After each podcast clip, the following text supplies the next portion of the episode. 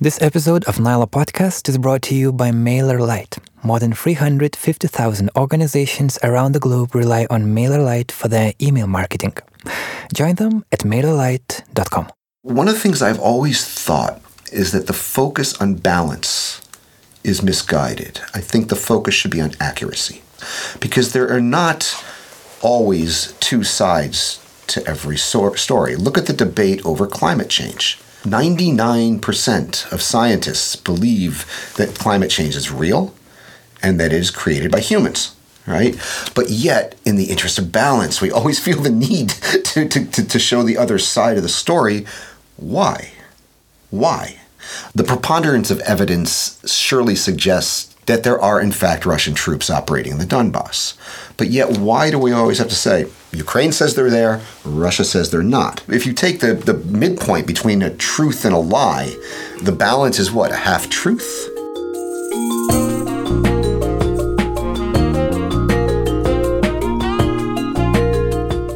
From the studio in Vilnius, this is Nyla Podcast, a place where we try to make sense of the modern world. I'm your host, Karolis Vyšniauskas from Nanook Multimedia Agency. Welcome to the second season of our podcast.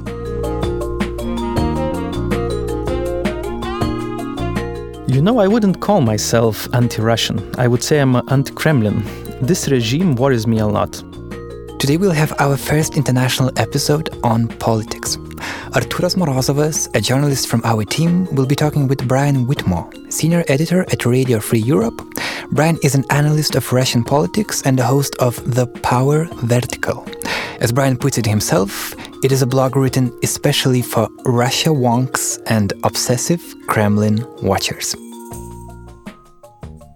Arturas, why did you want to talk with Brian? I would say that Brian Whitmore is one of the most influential Western experts on Russian's topic. I really appreciate his ability to combine various matters and develop into a journalistic insight. I need to admit that I'm a constant listener of his weekly podcast about uh, Russia and Kremlin because he's talking about it in a very sensitive, professional way, but at the same time, it's super easy to listen and understand. And you have a lot of personal experience in covering Russia. Basically, since the conflict in Georgia in 2008, you were interested in the station related with Russia's uh, geopolitics and your photos from uh, different conflicts. They were published in New York Times, in The Guardian, in Der Spiegel, and all this. Really, the best media in the world, I would say. Um, could you tell more to our listeners? Where have you been, and what is your experience covering Russia? You know, I believe that we all Lithuanians are should be interested in Russia. It's our neighbor, and sadly, uh, today's political threat. It happened so naturally that my first international assignments were related to Russian's geopolitics.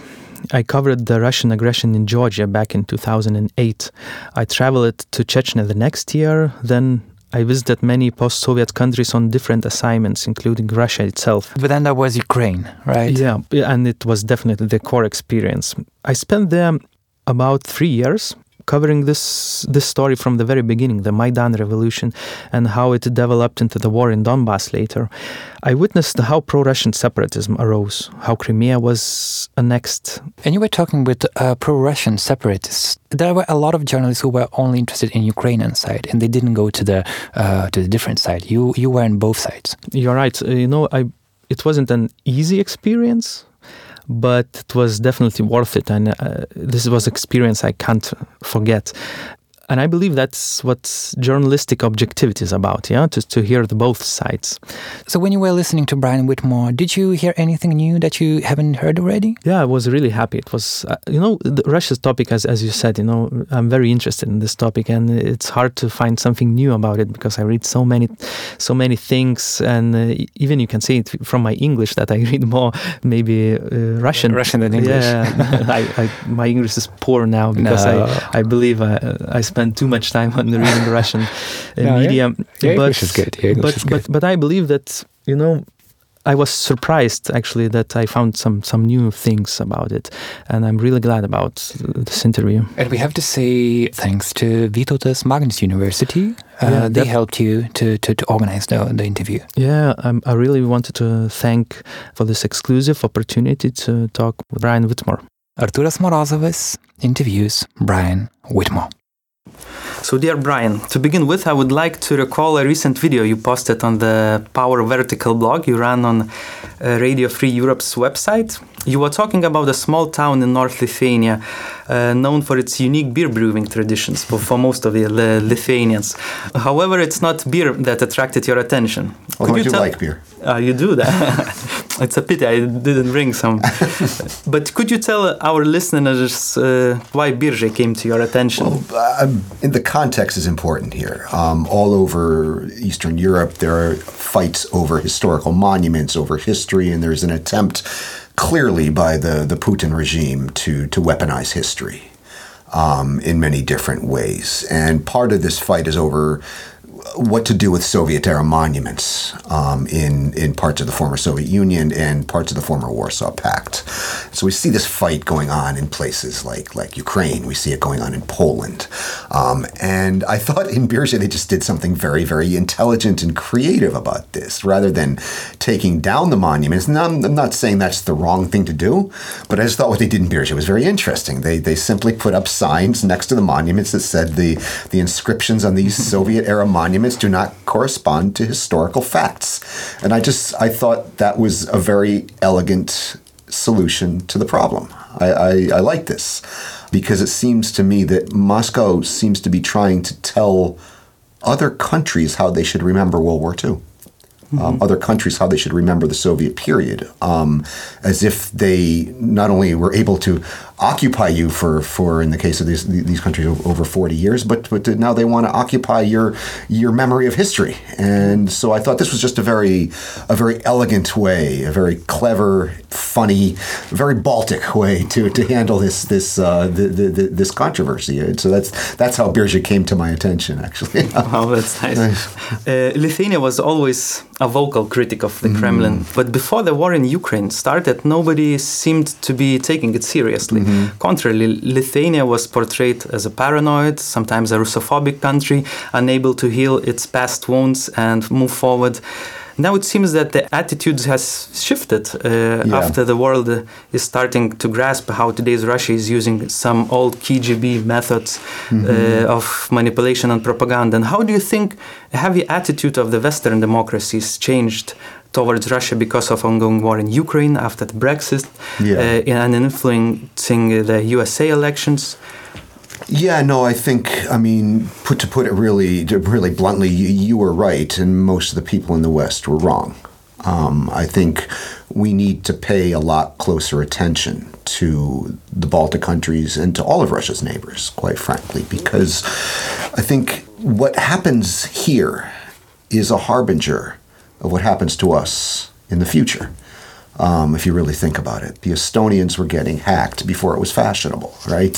Um, you knew what fake news was before we did, right? Um, you knew what, what, what disinformation was before we did. So I think we really need to pay very close attention to what Russia does to its neighbors, and we need to listen to Russia's neighbors a lot more carefully. Um, so yeah, I think attitudes in the West have changed. Uh, they've not changed entirely, but the, the center of gravity has certainly shifted. And there is certainly a, a feeling in Western capitals that this is that this is a problem that we have to deal with. Um, there are still voices in Western capitals that are saying that are very eager to do business with Moscow. Um, and so you still have that, but I think the, the center of gravity has shifted. And the, the, the Lithuanians, the Latvians, the Estonians, the Poles were all ahead of the curve on this. Um, and I think again, it, it shows us that we need to listen to you all more, much more carefully in the future. It seems that in some Western democracies and the United States itself, fashionable trend for the Soviet aesthetics, like clothing brands such as by designer Gosha Rubchinskiy, Kim Kardashian wearing a jumper with the Soviet symbols.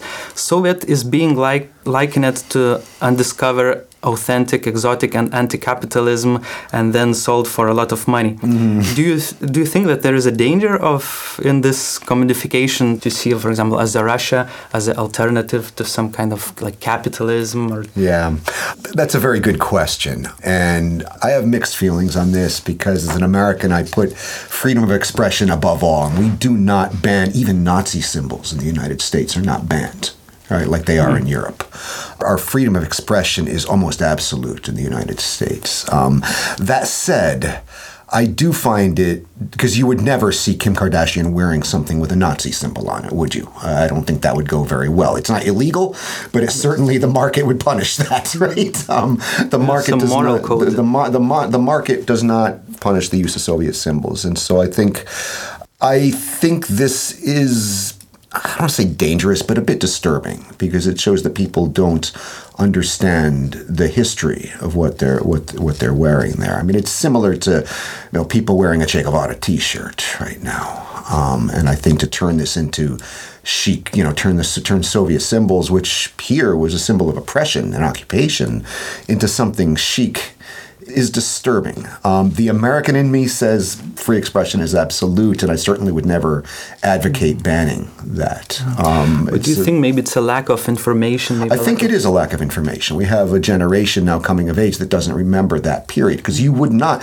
during the Cold War, you would not have seen that you would not have seen that because it was because the we were in a state of Cold War with the Soviet Union. That was the symbol of the Soviet Union. So, but now that period, we have a whole generation that's grown up that's forgot that doesn't know this period, doesn't know that history. And so I think that, um, or at least maybe didn't experience that history, and I'm not sure the extent to which they studied intensively that that that history. So I think that's part of part of the issue there. Mm-hmm. Um, and it's also I think this this whole aesthetic and to being the Soviet cool is also this brand is strongly supported by the Russian well, media outlets. I think this is tied to something actually that is very serious. That um, Vladimir Putin has turned himself into the kind of the the Che Guevara of the kind of anti-capitalist opposition right now. Um, it's more the the far right in Europe. But if you were in the '60s and you wanted to be a rebel in the West, you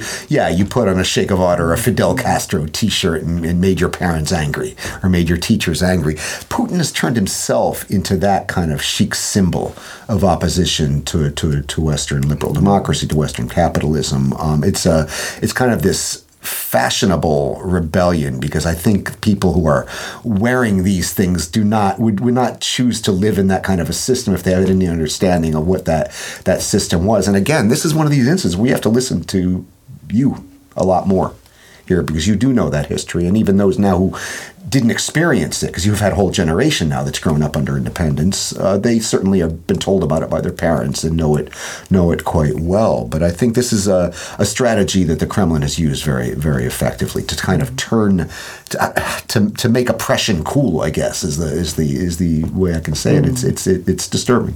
Mm-hmm. And talking about the the news, the fake news uh, and the propaganda, uh, do you believe that such Kremlin's outlets as Russia Today, supported by the social social media algorithms are powerful enough to make an impact on international media and to shape the mentality of English speaking population for some political news maybe and by themselves no by themselves, no. I think far too much attention right now is being placed on RT per se or Sputnik per se. Um, I think these things are the tip of the iceberg, though, of an entire ecosystem that the Kremlin is supporting. You'll have across Europe, I'm sure you've seen them here in Lithuania, I've certainly seen them in the Czech Republic. You have so called alternative news sites that take a very anti globalist, Euros- Eurosceptic position. Their financing is very murky and opaque. We're not really sure where it comes from, but they coincide coincidentally tend to push a lot of narratives that are pro Kremlin. So, what we have in this situation is uh, what I call information laundering. You'll have a narrative that starts at RT and Sputnik. Nobody really believes it because it's RT and Sputnik and everybody knows who finances them. But then it gets picked up by some of these alternative, so called alternative media outlets. It gets you know, circulated there, and then it finds its way into the mainstream media. So the information has been laundered so to speak. And that's that's that's I think we need to really begin to try to understand this entire ecosystem. Um, and I think we have to understand that this is being done not just with information. The Kremlin has weaponized a lot of different things to try to undermine Western democracy. Like like what? Like corruption, for example. I'm very fond, and anybody that's ever heard me speak knows I always slip this line in there because I want people to remember it. Uh, corruption is the new communism. They're trying to spread a zone of co- corruption. Um, they're using organized crime as, uh, as, as a weapon. Uh, my, my podcast co host, Mark Galeotti, is very fond of saying Russia is not a mafia state, it's a state with a nationalized mafia, right? So the Russia uses the mafia as a, as a weapon. Um, and this is this is a there's a this is a very clear strategy. Um, I recently read about a cigarette smuggling ring in eastern in eastern Estonia, run by run by Russian organized crime groups and the FSB. And this wasn't simply the FSB kind of do, being corrupt and getting money from a cigarette smuggling ring. The smugglers were surveilling the border yeah. and kind of get, reporting back on the habits of the Estonian border guards. Beyond that, part of the profits from this illegal cigarette smuggling was being taken by the FSB, again, not for corruption, but to form what the Russians call chornaya kassa, you know, the black cash box. So if you think of like all of the organized crime activities you see across Europe that's being that are being conducted by Russian organized crime groups, many of which appear to be aided and abetted by the Russian security services, and you have if you have some chornaya kassa being created from all of these, then you have a lot of unaccountable black cash moving around Europe, untraceable black cash, cash with no fingerprints on it. And that money can be used to do all sorts of active measures across Europe. So these, you see the connection between the disinformation, the corruption, the, the, the, organized crime. This is a whole ecosystem that we really need. The hacking fits into this as well. This, we have to. It's a whole ecosystem we need to begin to understand. The support for right wing parties. It's almost as if the Kremlin has weaponized globalization against the West. Um, in terms of the algorithms, this raises a very, very interesting philosophical point. It's one that I've been kind of grappling with right now. I don't have an answer to it, but it's something that's that, that's been bothering me, and it it doesn't directly relate to Russia, but Russia's certainly using it, and that is like, are we in a period where liberalism is being overtaken by data, what, what, what people have come to call dataism? Right? If you read the, the, great book by the Israeli historian Yuval Noah Harari called uh, Homo Deus, A Brief History of the Future, he being, so talks about how the how algorithms have become kind of ubiquitous in our lives, right? Um, they choose the kind of music I listen to. They choose the books scary. I read. It's it's scary. I mean, right for consumer goods, it's it's also convenient because I quite frankly, the algorithms Amazon chooses to suggest books to me tends to suggest books that I like. Like the book I just named, for example, which was suggested to me by an algorithm. The music I listen to, whether you're using Spotify or iTunes or what have you, is suggested to you by algorithms. Um, so these algorithms are incredibly powerful, incredibly accurate. Now, what seems to be happening now is that algorithms are start also choosing some people's political choices. They're choosing what kind of what kind of political news they get on their feeds on social media. And this is where it gets out of the realm of convenient into the realm of dangerous. Um, and my kind of big philosophical question is can liberalism survive dataism? Right? I mean, liberalism has survived a lot of rough, you know, survived industrialization. It survived, you know, but but can it survive dataism? Can it survive the kind of the, the the dominance of algorithms, which today are written by humans, but some people think in the future the algorithms themselves are going to be written by artificial intelligence. Now we're getting into science fiction that's not that far off, though. Now, what the Russians, what what what, what where the Russians come into this is they've gotten very good at this point in manipulating dataism to their advantage. They've learned these lessons very, very well. and so that th- this this adds another piece to the puzzle here, but it's something we, we have to actually be quite vigilant about right now because this could be a, a, very serious threat to liberalism, to, to, liberal democracy, and I think we need to we need to be vigilant. These things that provide great convenience for us in our consumer choices. Perhaps we should be a little bit more careful about how they how they apply to our political choices. And I mean, Uh, they're not going to uh, influence everybody, right? If your political views are very formed, you're not going to be influenced by things that crawl across your Facebook feed. But if your views aren't really formed, if you're what we call a low information voter in the, in the US, the term sociologists use, then you are susceptible to this. And these tend to be the people that swing elections, right? The Brexit vote was very close. The election in the United States was very close. We're not talking about a lot of votes here. So in this in this case, this yeah, and uh, I think we need to add that it's this all the algorithms. It's not just about the influence; it's also about the gathering and enormous information yeah. about the the audience, about yeah. the, the, voters. So, uh, but I, I, believe, as a journalist, now I believe that uh, one of the cures is strengthening the the, the the democracy and the, the, the people, the population, and one of its one of the ways we can do that is is the media, of mm-hmm. course. In the recent times, no, I really raised question of ethics mm-hmm. in, in Lithuanians media, uh, and uh, it seems that the ethics isn't enough to protect the objectivity. Mm-hmm. In, in, journalism, it is not enough to be ethical. The propaganda is not a lie, it's just the interpretation that it is hard to prove wrong or it takes too much time. Do you believe that we should adapt the code of journalism ethics? Maybe the ethics is dead, as Nietzsche said. I don't want to say ethics is dead, but I think that we need to be more focused. I mean, I'm I'm no longer a reporter. I'm kind of out of the game that way, and I'm kind of watching it from the outside, sort of, because I've moved kind of more into analysis and, and commentary. But when I, well, one of the things I've always thought is that the focus on balance is misguided. I think the focus should be on accuracy. I've always believed this because there are not always two sides to every so- story. Look at the debate over climate change 99% of scientists believe that climate change is real and that it is created by humans right? But yet, in the interest of balance, we always feel the need to, to, to, show the other side of the story. Why? Why? I mean, I think if you're going to do that, you have to say, well, the preponderance of evidence, 99% of climate scientists believe this to be the case. Um, we've seen a similar thing about evolution, even. Now, I mean, I think more than 99% of scientists believe evolution to be real. Um, it's pretty much the preponderance of evidence surely suggests, to the point where I'm satisfied, that there are, in fact, Russian troops operating in the Donbass. But yet, why do we always have to say, Ukraine says they're there, Russia says they're not? I mean, and if you if you are able to create these false controversies, and the Kremlin is very good at this, creating, well, we have to tell our side of the story too, when their side of the story is, quite frankly, a complete lie. So the the the the, the if you take the, the midpoint between a truth and a lie, the balance is what? A half truth? Well, no.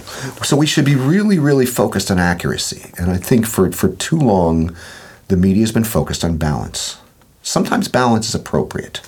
If you're looking at a, an election and the party of the left says this and the party of the right says this, and you want to present both, uh, both, both, both viewpoints, but usually we should be when, when we're talking about issues are there russian troops in the donbass well i think we should be trying to get an accurate picture of that rather than telling both sides of the story. So I think that that's that's one area um, that we, we we need to get better at. I mean, I one of the ways I very kind of crudely put this at a at a conference I was speaking at in Tbilisi is that the modern Western journalists have a very difficult time dealing with bullshit. I mean, it's really quite that simple, and we have to learn how to deal with that um, because it's it, it, it, it's hard. Um, and so I don't want to say ethics is dead, but I think we, in this kind of postmodern media environment, I think we need to have a serious think about how to accurately describe reality and to inform the public. Um, mm-hmm. It's not easy. Balance is easy tell one side, tell the other side. You yeah, say, I'm not, I'm, I'm, i have no, you know, I have no dog in this fight. I'm just, I'm just reporting the facts or reporting. Um, that's easy. Get accuracy is hard. Accuracy is really hard. And so I think that, and that's where the focus needs to be right now. You know, and I was like, I was covering the whole war in Ukraine uh, from the very beginning, and uh, together with my foreign uh, colleagues, we agreed that I think it was the first story. It was so so difficult to work for the journalist mm. because maybe because it was started in the informational field, mm. not in the barricades, uh, and uh, both sides saw the journalist as kind of weapon. Mm-hmm. And uh, talking about these stories about the, the, the Russians in Donbass, annexation mm-hmm. of Crimea, the refugee crisis, uh, the Brexit, uh, MH17. MH17, exactly. Uh, do you think that was a, a big challenges for the European journalism? Um, of course, it was a challenge. I think I think European journalists did reasonably well, though. Especially, I mean, you had things come out like like Bellingcat really kind of came into its own during this crisis. And Bellingcat is doing what I really like to see journalism do is they're uncovering the facts. They're accurately describing reality. with amazing experts. With um, I mean using open source data. And it really shows you that this stuff is gettable. Because what they got on MH17 was they basically they, they showed us what happened in granular detail, down to the name of the commander, right? That's quite remarkable. And this we you know, who had even heard of Bellingcat before the Ukraine crisis, before, uh, before the before the war in Ukraine? You know, so I think I think we've seen um, a lot of good journalism done in this period. I mean, the the Organized Crime and Corruption Reporting Project and all the reports they've put out on the Panama Papers. So, so we've seen a lot of good journalism done, and I think this all wasn't directly connected to the Ukraine crisis, but it's I think it is in a sense directly connected to the larger crisis between Russia and the West that has been has been happening since then. Um, yeah, as you said, I really like your uh, your phrase about the ecosystem. Yeah, it's, it's everything's yeah. so related. Yeah, we have to we have to really understand this ecosystem before we before we um, before we can even think about how to how to counter it. So let's talk about another ecosystem that's on the other side of the border. What's about the tendencies in the Russian media now? Like uh, we have some like Meduza who who are based mm-hmm. now in Latvia and shaping. We have uh, the the Dozhd, the, mm-hmm. the, the, radio and TV um, channel. And um, do you see some kind of hopes to change something in the map of Russian journalism? I look at the Russian media every day. I look at different Russian media outlets for different reasons, right? I look at Izvestia because I want to see what the message the Kremlin is putting out to the elite, for example.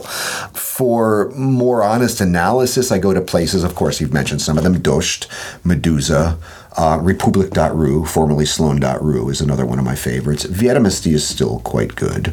Um, so I, I, I, see there's always been these kind of pockets of, of, of, um, of free media in Russia. They're getting smaller and smaller, and they're coming under increased pressure, but I still think there's this this this feeling in the regime that you have to have that kind of safety valve out there somewhere to allow this to happen.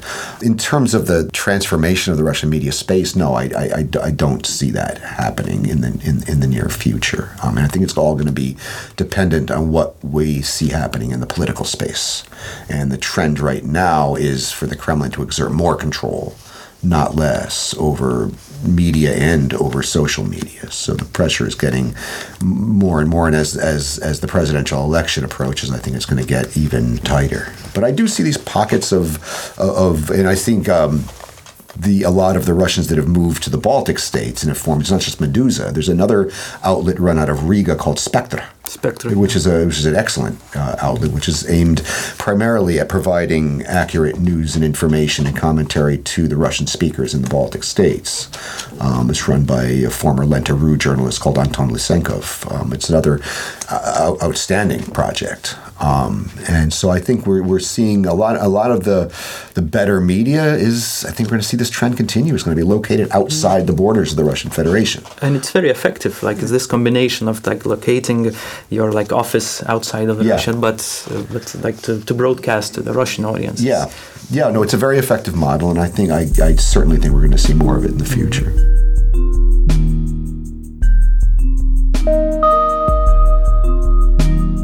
Just a reminder that this episode of Nyla Podcast is brought to you by MailerLite. More than 350,000 organizations around the globe rely on MailerLite for their email marketing. Join them at mailerlite.com. Arturas, so next year there'll be presidential elections in Russia. You talked with Brian about this topic, but before going back to the interview, uh, could you tell our listeners who are the main players in the in this whole Russian elections game? Because of course there's Vladimir Putin, uh, but he's not alone. There are some of opposition figures. Could you introduce listeners to them so they'll be more clear when Brian will be talking about them? Yeah, sure. Uh, so we are talking about two main characters in these presidential elections. The first one is, of course, Alexei Navalny. He became a political opposition leader after Boris Nemtsov was killed. By the way, when we recorded this interview, we didn't know that he will be barred from competing in elections.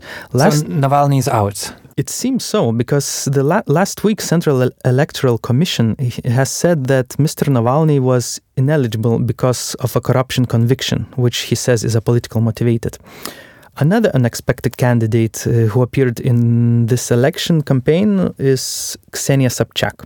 She is famous TV host, journalist, a celebrity in general. Some call her uh, Russian Paris Hilton. During her political campaign, she speaks loudly about the occupation of Crimea, that, in her words, belonged to Ukraine, uh, about the Russia's army involvement in war in Donbass, but there is an important detail. Her father, Anatoly Sobchak, was the mentor of the Vladimir Putin, and as a rumor spread, Putin is her godfather. So it's very controversial figure. Wow, it, it, this is interesting. Let's hear what Brian has to say about that. I'm going to go out on a limb and predict something. I'm going to predict that Putin's going to win. oh no! I know it's risky, but I, am going to I'm going to do that. I'm going to take that chance. Yeah, but for example, th- there are so many well, guesses. That wasn't your question? If Navalny is like a, a, real oppositioner or, or just a Kremlin muppet, like could a daughter of Anatoly Sobchak, a well-known mentor of Putin, uh, like in his early career, be a true candidate and becoming a president? How do you see this? Is it surprised you? No, not no. I'm seeing what I largely expected. I mean, on the question of Navalny, I think Navalny is one of the most interesting figures in Russian politics right now. And I think the question of whether he's a Kremlin puppet or truly an oppositioneer is not a binary question. I think he is a genuine opposition figure. And I think he has his allies inside of the inside of the elite. I think there are certainly people on the inside that want to have somebody with whom they can talk to on the other side of the barricades in case things get bad. So I think he is some, the insurance policy of some people on the inside. I don't have hard data to support that, but I intuitively that's what I think. Um, I, I think one of the most interesting questions going forward is how the Kremlin is going to handle Navalny in the election. Now they're in all likelihood not going to allow him on the ballot, but I don't think it matters because he's going to campaign anyway. And Russian elections aren't about the result. The Russian election, we, we of course know the result is preordained. The Russian elections are about the show, they're about the ritual, they're about the narrative, they're legitimization rituals. And the Kremlin needs to put on a good show during the election in order to kind of legitimize their rule again. Um, so Navalny is going to be able to spoil the show because he's going to be out there campaigning against the fake election. He's going to be out there making fun of the fact that Putin is again running against Zyuganov and Zhirinovsky and Yavlinsky. I mean, how many times are we going to see these same people running against against uh, against Putin? It's almost kind of when I was a, a kid growing up, uh, we watched the Harlem Globetrotters basketball team, right? Um, I know Lithuanians are big basketball fans, so I had to get some yeah, basketball yeah, in here. Well, well, I grew up watching the Harlem Globetrotters, and they never lost, right? They always and the team that always played against the Harlem Globetrotters when they went on tour was something called the Washington Generals, and the Washington generals would always, you know, play the globe and they would always lose. Well, this is the same thing in the Russian elections. It's like the Harlem Globetrotters playing the Washington Generals. How many times in a row can Putin run against these same fake opposition candidates?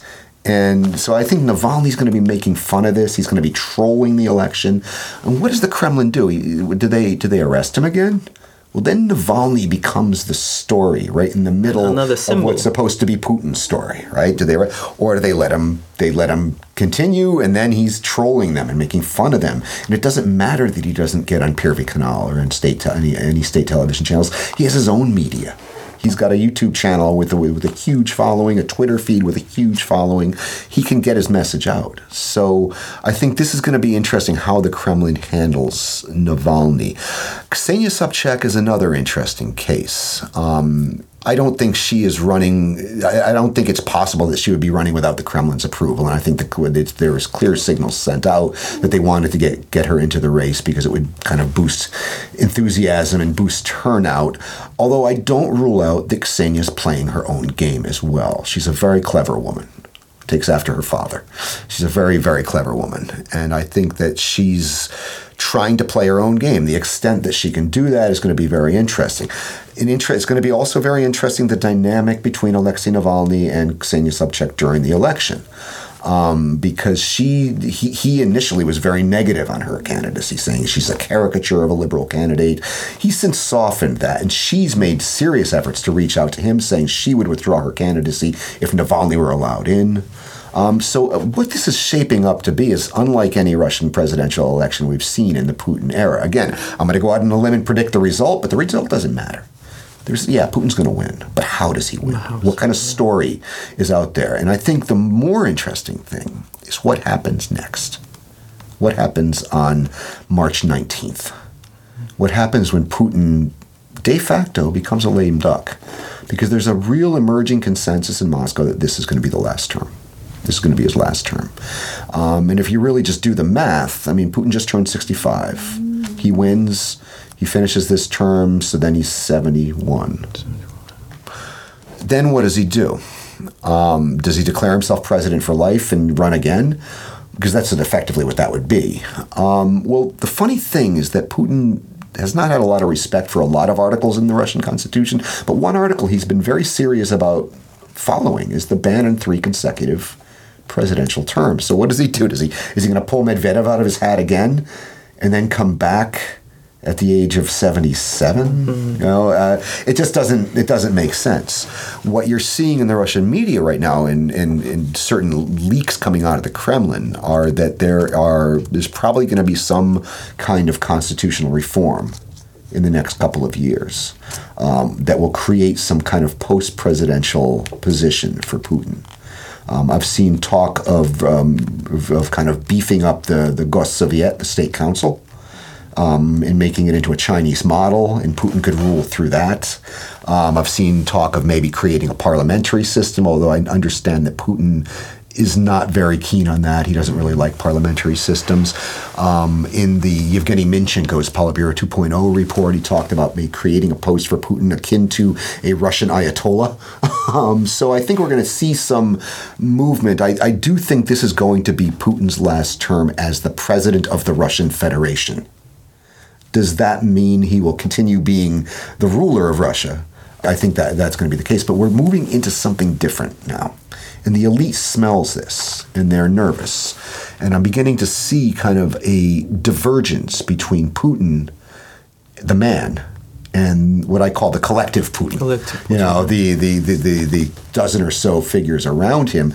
They want to preserve the system and the man is less important than the system. So the people are beginning to imagine the system without Putin, and that's going to turn the coming years into an extremely interesting period. But do you think that the, the population of Russian Russian citizens are are ready for these kind of changes? Are they having this kind of model in their heads? No, I don't think. I think Russian citizens will. I mean, no. I I, I, I think this, the attentive public is following this to be sure, but no, the the majority of Russian citizens are not. Mm-hmm. I don't think are thinking about. No, that's what we were talking about at the beginning. The, the Putin as a symbol. And yeah. For them to live without a symbol is like.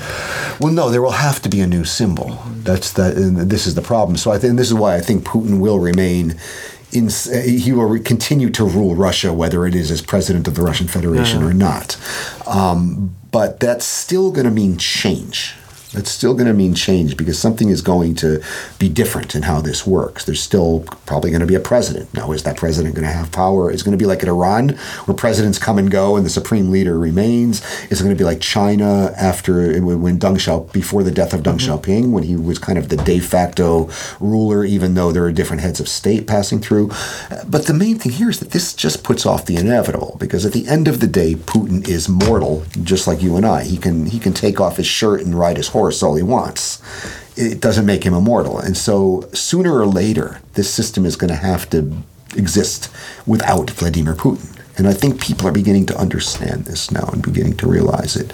Um, and that probably spells some kind of turbulence. Because when you look at the end of periods in, in Russia because Russia doesn't have a mechanism for succession.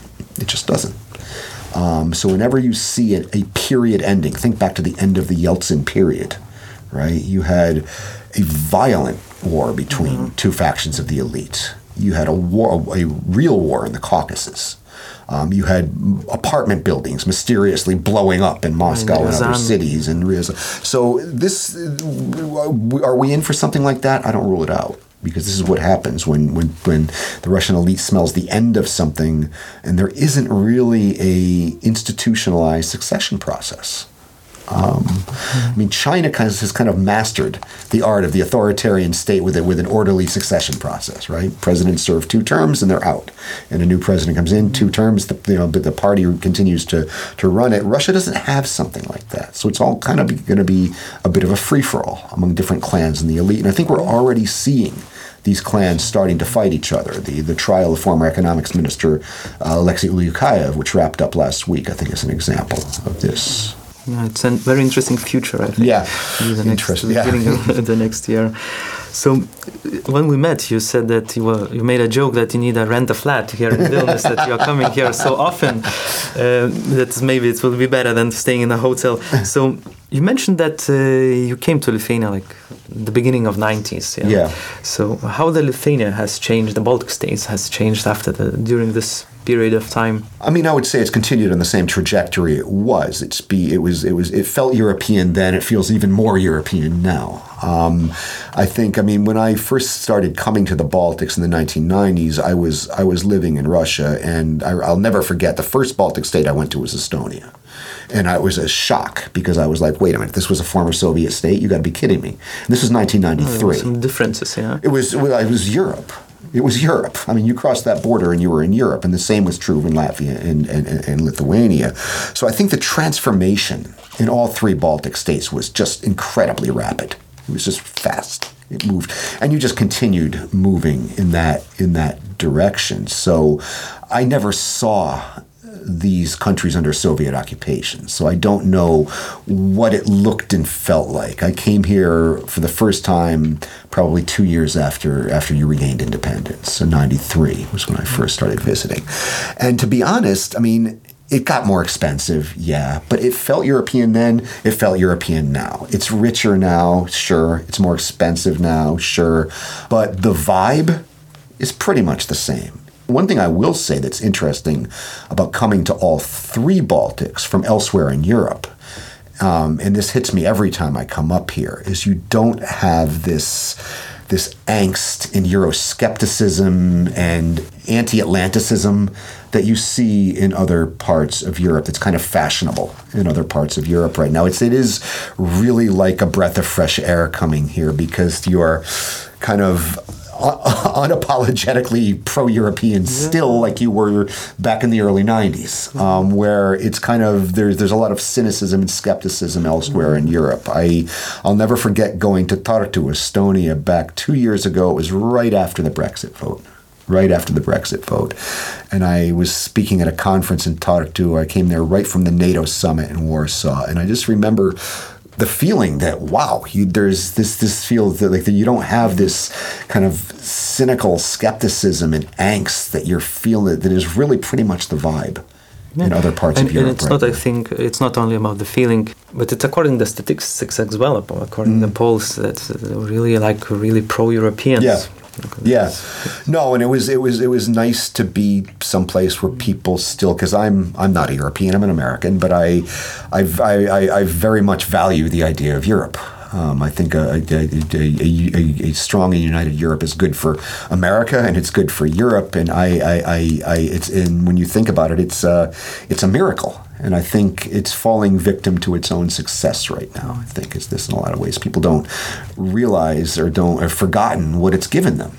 And so I think here in the Baltics, you haven't forgotten that. And that's always been one of the nicest things coming here. Mm-hmm. So. Okay, so thank you very much okay, for such an interesting talk. Thank you. Thank you for your time. Always a pleasure. Arturas, really interesting interview. Thank you for that. I'm glad this is your debut in Nilo Podcast. Thanks, you. Uh, but you know, just one more thing uh, before finishing. I was listening to the interview and I thought that you didn't really criticize Western world, let's call it like that, right? You were focusing on problems that are in Russia's politics. Yeah, Russian related. Maybe, yeah, and maybe for some listeners, it may seem that you, uh, there is this word like Russophobic or like anti Russian. Would you say that you are anti Russian? yeah, very good question indeed. After the interview, we discussed it with Brian as well. You know, I wouldn't call myself as anti-Russian. I would say I'm anti-Kremlin. This regime worries me a lot. Also, I am worried about how Kremlin dominates this ecosystem, using media and propaganda to influence society. I see so many Russians supporting Putin, and that scares me. But we are European country with a tragic personal history related to Kremlin regime. That is why we cannot be blind. Today's Russian government is still using a KGB tactics, persecution and repressive methods to go after the human rights activists, political opponents, LGBTQ community, or anybody else uh, refusing to function according to the prescripted ideology. It is successful totalitarian regime and failed democracy, I would say. But at the same time, we need to talk about the problems we have and all the Western world is dealing with. Black and white, good and bad, this rhetoric is not working. Uh, I don't like it. And I would say it even could be dangerous. As Brian said, we need to be very accurate about the things. Mm. And uh, when you said all these things about uh, the state of Russia right now, you have you have a lot of proof uh, regarding that. And your new uh, media project that you're gonna present next week is about those people who needed to leave today's Russia because they were persecuted. Tell us more about this project. This is really interesting. Yeah, actually, I'm very excited to present this project. It's called While the Red is On. While the Red is On. Yeah. This is like a in a traffic light. In a the traffic red, light, the red exactly. light. Yeah. But of course, the red light is is a metaphor of the, the communism of the Russia, and the, uh, as a color of the Kremlin. we, right. we could say. So basically, this is a story of about the modern Russian political refugee community finding asylum here in Lithuania. It introduces us to Russian citizens who are forced to flee their homes, crushed by oppressive government and running away for their lives from the country they actually love.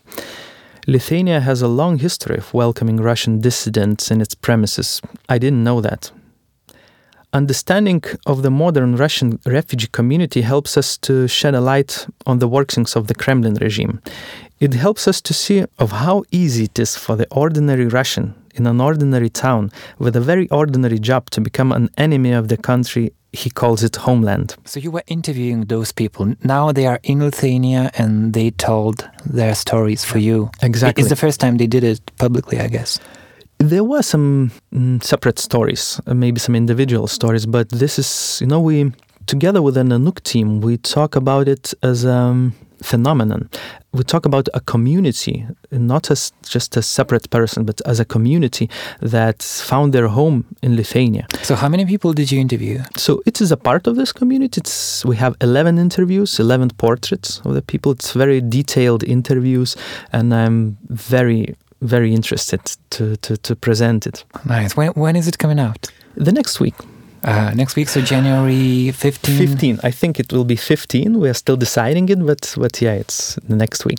You can find it on Nanook page, but also if you are like a Lithuanian speaking person, so you can find it on uh, in a Lithuanian uh, address dagaraudona.lt. Nice. Looking forward to it. Oh, Thank you, me Thank you, Karolis.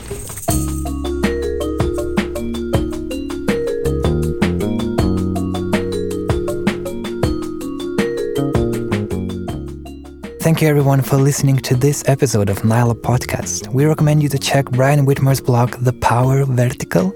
It is on Facebook and also do visit nyla.lt. There you can find our photos of Brian taken by Nanook's photographer Severina Venskute. And also all the previous episodes of the podcast are uploaded there. If you like this episode, please support Nyla on Patreon. Our page is patreon.com slash Nanook Multimedia. We have a lot of new patrons since the last episode. Davidas Buivydas, Kristina Kryze, Saulė Šiliūnaitė, Arnas Gataveckas, Ilmė Višniauskaitė, Božena Miežonisovna, Asta Borosevičiūtė, Juozas Šalna, Mandas Kondratavičius, Jurga Sefton, Indrės Dančiūtė, Valera Volotko and Karolis Van. Everyone, welcome to Nanook, and thank you for your support. Thanks a lot. Our music composer is Martinas Gailius, and our sound editor is Kata Bitoft. This episode was edited and hosted by me, Karolis Vyšniauskas. Nalo podcast is produced by Nanook Multimedia Agency in Vilnius. See you next week. Take care.